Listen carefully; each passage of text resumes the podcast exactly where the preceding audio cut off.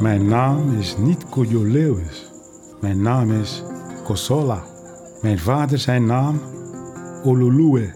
Hij is niet een rijk man. Hij heeft drie vrouwen. Mijn mama haar naam Naifon Lulu. Zij de tweede vrouw. Mijn mama heeft één zoon voor mij, dus ik haar tweede kind. Welkom bij Lees Days, de podcast over vergeten literaire meesterwerken. Mijn naam is Irene Houthuis. Ik spreek met drie kenners over het boek Barracoon van de Amerikaanse antropoloog Zora Neale Hurston. Barracoon vertelt het verhaal van Ouale Kossala, overlevende van het laatste slavenschip. Hij wordt als 18-jarige vanuit West-Afrika in 1860 naar de Verenigde Staten verscheept. Zora Neale Hurston interviewt Ouale Kossala, die in Amerika Koetje Lewis wordt genoemd, als hij ver in de tachtig is. Hij is dan de laatst overlevende van de slavernij. Journalist Jacqueline Maris maakte eerder een podcast over Barracoon. Wat ik heel interessant vond aan zijn verhalen is dat hij natuurlijk tot een heel klein groepje behoort van mensen die nog konden herinneren dat ze uit Afrika gehaald zijn. Het is een verhaal opgetekend in 1930 of 1927, maar klaar in 1930, wat, ja, wat echt een authentiek levensverhaal is. Van iemand die, die het mee heeft gemaakt om ontvoerd te worden in zijn dorp. Notabene door zwarte broeders. Dat was voor Zora Neale Hurston ook een echte schok. Dat schrijft ze later in haar uh, memoires. Van dat, dat, dat ze altijd dacht, die witte man die komt en die, die rooft die, die, die, mijn broeders en zusters uit Afrika en neemt ze mee. Maar het waren gewoon de koning van Dahomey. En slavernij bestond natuurlijk al heel lang. In die zin dat je mensen had die gewoon minder waren dan de, de edele en de koning. Maar de koning van Dahomey is, is, volgens mij wel een van degenen die, die begonnen is met die slaven. Uh, die mensen die tot slaaf gemaakt werden naar de kust te vervoeren, naar Ouida in Benin. Om ze daar te verhandelen met, uh, met blanke en witte mensen en Arabieren. Dus dat gebeurt met deze man.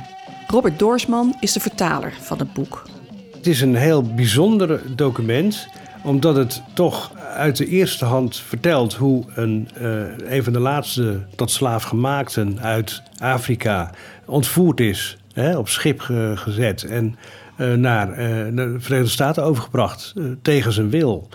Het laatste slaventransport uit, uit West-Afrika, terwijl de slavenhandel in feite al stil lag of verboden was zelfs ja, een, een breekbaar, breekbaar document van iemand die bijna analfabeet is. Die in Amerika toch ook een heel ongelukkig leven heeft gehad. Vijf kinderen overleden, vervolgens zijn vrouw overleden en hij als laatste overgeblevene. Tot, ik geloof dat hij in de tachtig is geworden. Ja, toch ook geprobeerd daar een leven op te bouwen tegen wil en dank.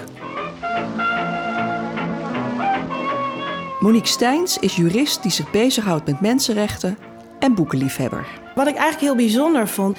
De geschiedenis van een zwarte mens die begint niet bij de slavernij. Die begint wel ver daarvoor. Alleen horen we vaak pas vanaf het moment dat iemand slaaf gemaakt is en dan vervolgens zijn leven verder bouwt. En in dit boek, wat ik hier mooi aan vind, is dat het uh, daarvoor al begint. Dus Uluwala Kossala, zoals hij eigenlijk echt heet. Hij vertelt hoe hij opgroeit in Benin. En hij vertelt over het dorp. Hij vertelt hoe de jongeren uh, uh, samen het bos ingaan. Hoe ze uh, erover dromen om strijders te worden. welke meisjes ze leuk vinden. Welke status hun ouders hebben in het dorp. de verhalen die zijn moeder vertelt. Dus ja, de dromen die, die hij had. En, en dat vind ik echt heel bijzonder. Dat dat in dat boek zo stevig naar voren komt. En dat het niet alleen maar gaat over een, een slaafgemaakt iemand die onderworpen is aan de witte mens. Sing pray to the Lord. I'm a free man. Master A, don't take these chains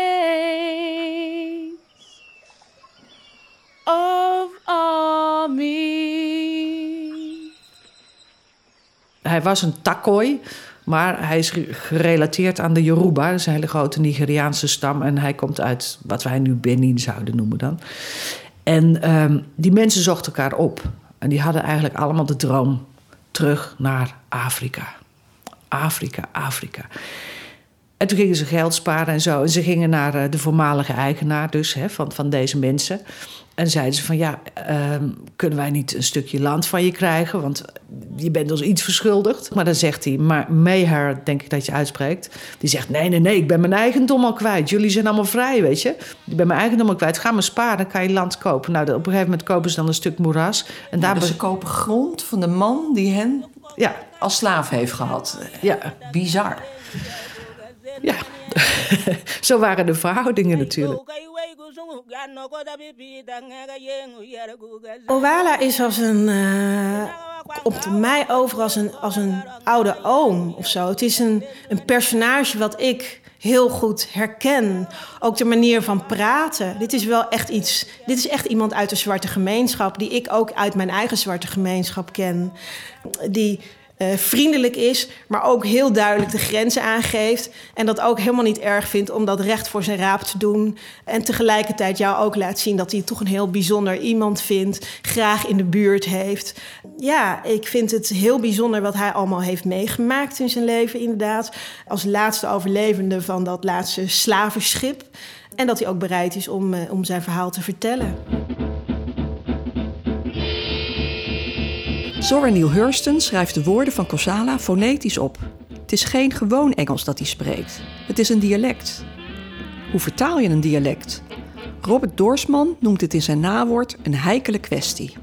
Omdat Zora Neale Hurston als antropologe en verzamelaarster van zwarte eh, volkskunst ervoor koos om dat relaas van, van Olawale Kosola, of Cujo Lewis zoals hij in Amerika heette, zo te boek te stellen dat, dat heel duidelijk werd dat hij een analfabete man was, die, die hè, dus met zijn gebrekkige Engels zijn verhaal vertelde. Dat maakt het relaas ook des te interessanter en ook eh, ja, des te eh, kwets, de kwetsbare man die, die, die zijn relaas doet. Hè, met dat bijna, nou soms kinderlijk kun je niet zeggen, maar toch wel heel versimpelde, eenvoudige Engels van hem. Maar ja, als je als vertaler achter je computer kruipt en je, je begint aan het eerste stukje en je ziet dat dialect. Je kunt hem niet laten praten als Surinamer, want hij was geen Surinamer. Niet als Antilliaan, want dat is hij niet. Maar ook niet als Brabander of Achterhoeker of als Fries. Dat, dat, dat zijn dus zijn allemaal... dialect is moeilijk om te zetten. Da- daarom heb ik ge- ge- ervoor gekozen om zijn, zijn woorden, zijn relatie zo eenvoudig mogelijk op te schrijven. Maar wel in, laten we zeggen, wat ik dan ergens noem algemeen gesproken Nederlands. Om een paar van die elementen eh, toch wel te behouden. Kunt u daar een voorbeeld van geven? Uh, hij schrijft dan: uh, By my grandpa, you understand me? He got the great big compound. He got plenty wives and children. En dan leg ik later uit dat het woord chillen, dat is dan children in dat zwarte Engels van Cujo Lewis. Maar dat ik zelfs dat woord chillen niet, niet uh, verander in kinders, maar gewoon in kinderen. Ik, ik wilde zoveel mogelijk dat aspect van dat, dat hier een analfabetende... Want hij weet wel degelijk waar hij het over heeft. Hij, hij, heeft, hij kan heel goed zijn relaas vertellen in zijn, zijn idiolect, zijn, zijn variant van het Engels. Ik probeerde weg te komen van de soldaten. Je probeerde naar het bos te vluchten. Maar alle soldaten pakten mij voor ik daar was. Heer. O Heer. Als ik aan die tijd denk, ik probeer niet meer te huilen. Mijn ogen, ze stopt te huilen, maar de tranen stromen in mij alle tijd. Je riep je moeders naam. Mama, toen de mannen me meesleepten met hen. Mama. Ik weet niet waar ze is. Kon je haar niet zien? Ik niet zien geen van mijn familie. Ik niet weten waar zij zijn. Uh, Zora Hurston speaking. Uh, in all the big work camps, sawmills and turpentine steel and road camps and whatnot, they have a man to go around and wake up the camp. And he has various chants and hollers to wake them up, and sometimes he makes them up as he goes along. Zora Neale Hurston was een uh, belangrijke Amerikaanse antropoloog en schrijfster. Ze is geboren in 1891 in een uh, stadje dat heet Eatonville. En dat is eigenlijk heel erg bijzonder. Want Eatonville, dat is een van de eerste gemeenten in de Verenigde Staten... die geheel werd bestuurd door Afro-Amerikanen. Dus alle belangrijke posities, die werden ook vervuld door zwarte mensen. Dus zij is echt opgegroeid met het beeld dat zwarte mensen gewoon eigenlijk alles kunnen bereiken wat ze willen. Zoals haar vader was dominee, maar die was ook een tijdje burgemeester van Eatonville. En wat daar heel erg bijzonder aan is, is dat zij dus daardoor ook een beetje afgeschermd is van uh, dingen als racisme en discriminatie. Want iedereen om, om haar heen was zwart. En dat merk je ook later als ze naar New York gaat, in die Harlem Renaissance terechtkomt. Dan zie je ook dat ze daar toch een hele andere positie inneemt. En dat heeft te maken met de manier waarin zij is opgegroeid. Het Engels van Cosola is moeilijk te vertalen. Tegelijkertijd moet het uitgangspunt van antropoloog Hurston gerespecteerd worden. Cosala's dialect is van wezenlijk belang. De uitgever bedenkt een oplossing. Een tweetalige editie. Met op de linkerpagina's de originele versie en op de rechterpagina's de vertaling. Ik denk dat het heel goed is. Je, je kunt je nu zelf op de hoogte stellen van het Engels. En, en je kunt dan uh, in het Nederlands lezen wat, wat er staat eigenlijk... als je moeite hebt met het, met het zwarte Engels. Ja, ik denk dat het de enige mogelijkheid is. En je zult ook, als je het Nederlands en het Engels naast elkaar leest... zul je, zul je natuurlijk onmiddellijk zien welke onoverkomelijke problemen er zijn. Het, is dialect, het is een idiolect. Het, persoon, zijn Engels. Maar ja, ik heb natuurlijk ook ik heb ingelezen over het vertalen van dialecten uh, enzovoort. En uiteindelijk kwam ik dus bij, uh, bij een stuk van, van Han van der Vecht, die, uh, die Derek Walcott heeft vertaald. En bij hem vond ik dus eigenlijk de, de hoofdreden om het niet te doen. Je wilt mensen niet dom laten lijken door ze in een soort kindertaaltje, brabbeltaaltje te laten praten. Dat kan helemaal niet. En, en daarom heb ik, ik heb ook, aan het eind zeg ik ook in het nawoord, ik wil dus een, um, hoe zeggen ze, een universele humaniteit voor het voetlicht brengen. Dat klinkt dan wel helemaal weer ontzettend hoog verheven, maar in feite is dat het idee geweest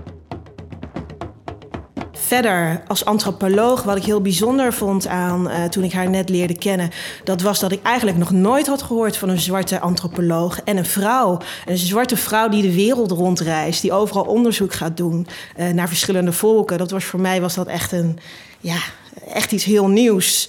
En zelf als een zwart jong Ja, meisje. zelf inderdaad als, als, als, als zwarte vrouw. Uh, ik, ik las het boek uh, um, Their Eyes Were Watching God, las ik twintig jaar geleden. Ik vond het enorm mooi om te zien dat zij schrijft gewoon over een, over een jonge zwarte vrouw. Die doet gewoon precies waar ze zelf zin in heeft. Dus die houdt zich helemaal niet bezig met wat de, de omgeving van haar vindt. En het gaat ook niet om het feit dat ze zwart is. Het gaat er gewoon om het feit dat het een, een vrouw is die vervolgens allerlei avonturen aangaat. En ja, het bos inloopt, gaat zwemmen, geniet van de natuur om zich heen en het avontuur uh, niet is eigenlijk een soort heldin. En dat boek dateert volgens mij uit 1937.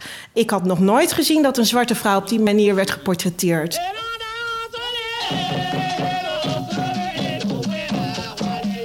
Wat ik ook heel mooi eraan vond, is Uiteraard wilde Zora Neale Hurston wilde het verhaal van hoe was het om slaaf te zijn. Dat zegt ze ook letterlijk. Hè? Dat zegt ze ook. Uh, ik wil weten hoe het was om slaaf te zijn, om vrij man te zijn. Hij zegt: Ja, maar ik wil over Afrika praten. En niet over mezelf, maar over mijn voorouders. Dus die man die heeft nog echt Afrikaans bloed in zijn, in zijn aderen stromen, zeg maar.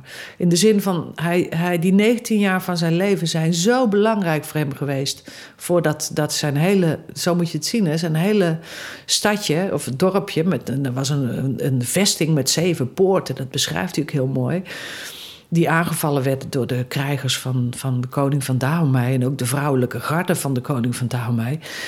dat dat is weg. Dus er is niks meer. En toch droomt hij alsmaar van Afiki. Hij zegt dan Afiki soil.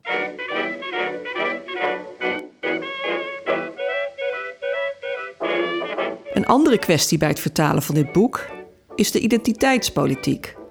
Vertaler Robert Doorsman schrijft een uitvoerig nawoord waarin hij stilstaat bij enkele gevoeligheden. Daarom is het zo belangrijk dat ik dat nawoord heb kunnen schrijven, omdat ik me um, ook inlas in, in uh, reacties van zwarte uh, activisten. Gloria Wekker, uh, Grace Diaco, Neske Becks. Omdat ik me ook wilde indekken tegen allerlei kritiek. Maar, maar ik wilde ook duidelijk maken dat, eh, dat ik me herken in die controversies en die lastige issues rondom het vertalen van zwarte literatuur door, door blank, blank of witte, vertalers. En wat herkent u dan? De argumenten dat, dat je toch de nodige kennis van zaken moet hebben om die boeken te vertalen. En je moet je als vertaler, wat ik altijd doe, inlezen in de problematiek. Je moet zoveel mogelijk achtergrondmateriaal weten te vinden en te zoeken. die je je en vertalen. Je moet, in- je moet wikken en wegen, inderdaad. Ja. Robert Doorsman is zichzelf zo van zijn rol als vertaler bewust dat hij over zijn activistische verleden schrijft. Ik ben een eh, witte vertaler met een lange baard en 64, bijna 65. Ik schrijf ook ergens in, in het nawoord dat ik natuurlijk wel een bagage als eh anti-apartheidsactivist. Ik heb me jaren als vrijwilliger ingezet eh, bij, bij anti-apartheidsclubs in, in Nederland. En, en je, je weet hoe, hoe fel dat daar aan toe ging. Met ook wel ideologische verschillen. Maar, maar het idee dat je je inzette, solidair achtte of maakte met het lot van, van eh, Zuid-Afrikaanse eh, meerderheid van de bevolking die zwart was en, en werd onderdrukt. Ja, dat zit erin. Dat, dat krijg je er ook niet meer uit. O heren, ik mij zo schamen. Wij zonder kleren op Amerika grond komen. De mensen zeggen wij naakte wilden zijn. Ik wil u zoveel dingen Ik wil vragen. u zoveel dingen zeggen wie ik ben. Ik wil u nog veel meer dingen vragen bij welk deel van Afrika u behoort. Ik wil iemand zeggen wie ik ben. En misschien zij gaan naar Afrika aarde op een dag. Ik wil weten wie u bent. En roept mijn naam en iemand zegt, ja, ik ken Kosola. Ik wil weten wie u bent en hoe het was als slaaf. Ja, Kosola, ik ken En Kosola. hoe u verging als slaaf. En hoe u slaaf bent geworden.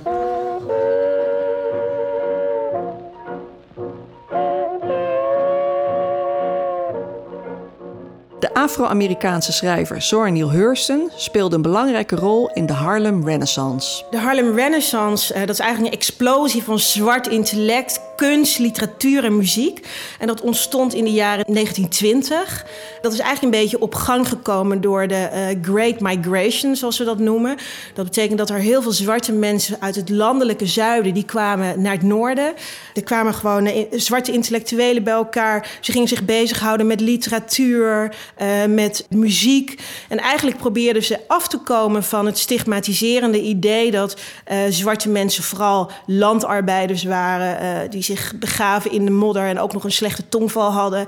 En ze wilden eigenlijk laten zien dat zij net even goed als witte literatuur konden maken en theater konden maken. En eh, nou, er zijn een aantal eh, eh, belangrijke namen uit die tijd. Naast Zora Neale Hurston. ook denk aan Josephine Baker, maar ook aan de schrijver en, en de poet Langston Hughes. Eh, Richard Wright was iets, ietsjes later. Eh, maar een hele belangrijke tijd. En in die tijd is er heel veel, eh, heeft heel veel betekend voor eh, de, litera- de Amerikaanse literatuur. Radiomaker Jacqueline Maris heeft eerder een podcast gemaakt over het verhaal van Owale Kosala. Ze wilde daarbij niet de vertaling van Robert Doorsman gebruiken. Omdat ik toestemming heb gekregen van de, de erven van Zora Neale Hurston. Waarbij eh, gezegd werd dat, dat ik heel erg aan de wensen van, van Zora Neale Hurston moest voldoen. Dat het verhaal van Cujo eh, op een manier de wereld ingaat zoals zij het heeft opgeschreven. Wij, wat wij hebben gedaan is, is uit al die teksten in dat boek hebben we gewoon stukken gehaald en niet chronologisch het boek voorgelezen, maar een, een verhaal gemaakt waarin Cujo een gezicht krijgt en ook waarin we proberen vooral. Zora en de stem. Maar het was heel toevallig. Voor een ander project had ik een man geïnterviewd net. Een Oekraïense man die tien jaar in Nederland woont. En ik had hem zitten monteren op mijn computer. En die stem van hem zat in mijn hoofd. En dat was precies zo'n man die gewoon ook het Nederlands net niet pakte. Weet je wel? Die, die, die, die- verkeerde wolgorders Ja, verkeerde verkeerde ja. woord, werkwoordsvormen. ja, precies.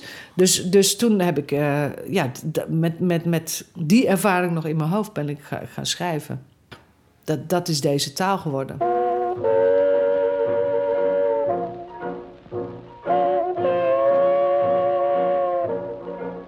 Zora die was heel flamboyant en heel warm, innemend, bijzonder slim.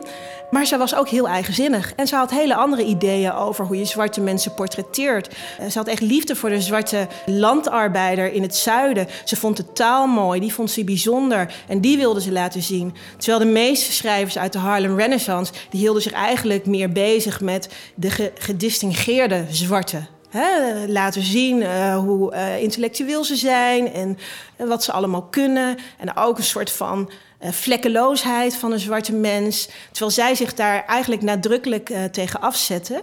En eh, ja, toch juist die zwarte folklore heel belangrijk vond. En die eh, naar voren wilde brengen. En wat natuurlijk irritatie opleverde ook bij de andere schrijvers. Want ja, voor hun was het alsof Sora hun weer naar beneden haalde. Hè? Want zij legde dan heel erg die nadruk op die, op die, eh, op die landarbeider. En dat, dat, dat slechte Engels dan in, in hun beleving. Terwijl zij dat juist als ook als een soort kunstvorm naar voren wilde brengen.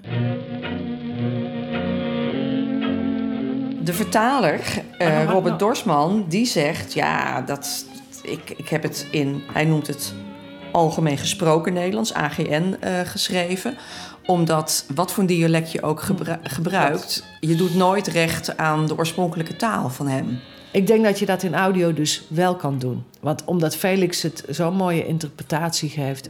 De, de grap is dat Felix Burleson, dat hij mij opbelde en zei... Oh, Jacques, ja, die taal, weet je. Want hij las het, hè. En hij zei, ja, ik ben wel toch een beetje beducht dat het, eh, ja, dat het dan toch wel heel weer de, de domme eh, zwarte man en zo. En toen had hij het tot zich genomen en hij maakte het zich eigen. En hij veranderde ook wel dingen. En ja, dan gaat het leven. En dan, dan heb je. Ik, ik heb niet het idee dat, dat eh, de Kuja Lewis uh, Kosolo Ojwala in, het, in onze podcast een domme man is. Het is een beetje wat ik heb geleerd van mijn Ierse echtgenoot. Net zoals Ulysses of zo, wat iedereen allemaal vreselijk moeilijk boek vindt. Want je moet ieder woordje begrijpen. Het is bijna alsof je het hardop in je hoofd zegt. En dat heb ik met dat boek ook. Als je het hardop in je hoofd zegt, dan zie je het allemaal wel. Dan hoor je het ook, weet je wel. Dus het is, het is een andere manier van lezen. Als hij het op een recorder had opgenomen, had het zo geklonken. Zora Neale Hurston heeft in 1927 drie maanden lang Korsala bezocht. Vier jaar schrijft ze aan haar boek. Monique Steins. Toen zij het in 1931 wilde uitgeven, is ze bij verschillende uitgeverijen uh, langs geweest. En die waren allemaal niet bereid om het uh, uit te geven. Vervolgens was er één uh, uitgeverij, die had er misschien wel oren naar. En die zei, nou, als jij nou de taal verandert, als je er gewoon hedendaags Engels van maakt... en niet die woorden van Cujo, zoals jij ze hebt opgeschreven... als je die eruit weglaat, dan kunnen we het boek misschien uitgeven. En dat heeft zij pertinent geweigerd. En dat vind ik, ja, dat vind ik ook echt een heldendaad van haar ja, ze was gewoon trouw aan de, het verhaal van Cujo, zoals hij het heeft verteld. En dat, uh, ja, daar, dat vind ik echt heel inspirerend. En ja. uiteindelijk is het dus bijna 100 jaar na haar, uh, uh, nadat ze het heeft geschreven, is het alsnog uitgegeven. In de, op de manier zoals en zij op de wilde. manier zoals zij wilde, ja. ja.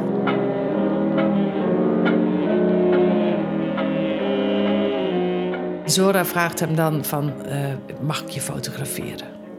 Dat is een beroemde foto van deze man. Dan heeft hij een prachtig pak aan met blote voeten. Want hij zegt van, zo wil ik terug naar Afiki soil. De Afrikaanse aarde. Dat vind ik zo ontroerend dat ik er echt nog rillingen van krijg, weet je wel. Want dan, dan zijn we al een jaar of zestig. Want ik, in 1865 wordt de slavernij afgeschaft.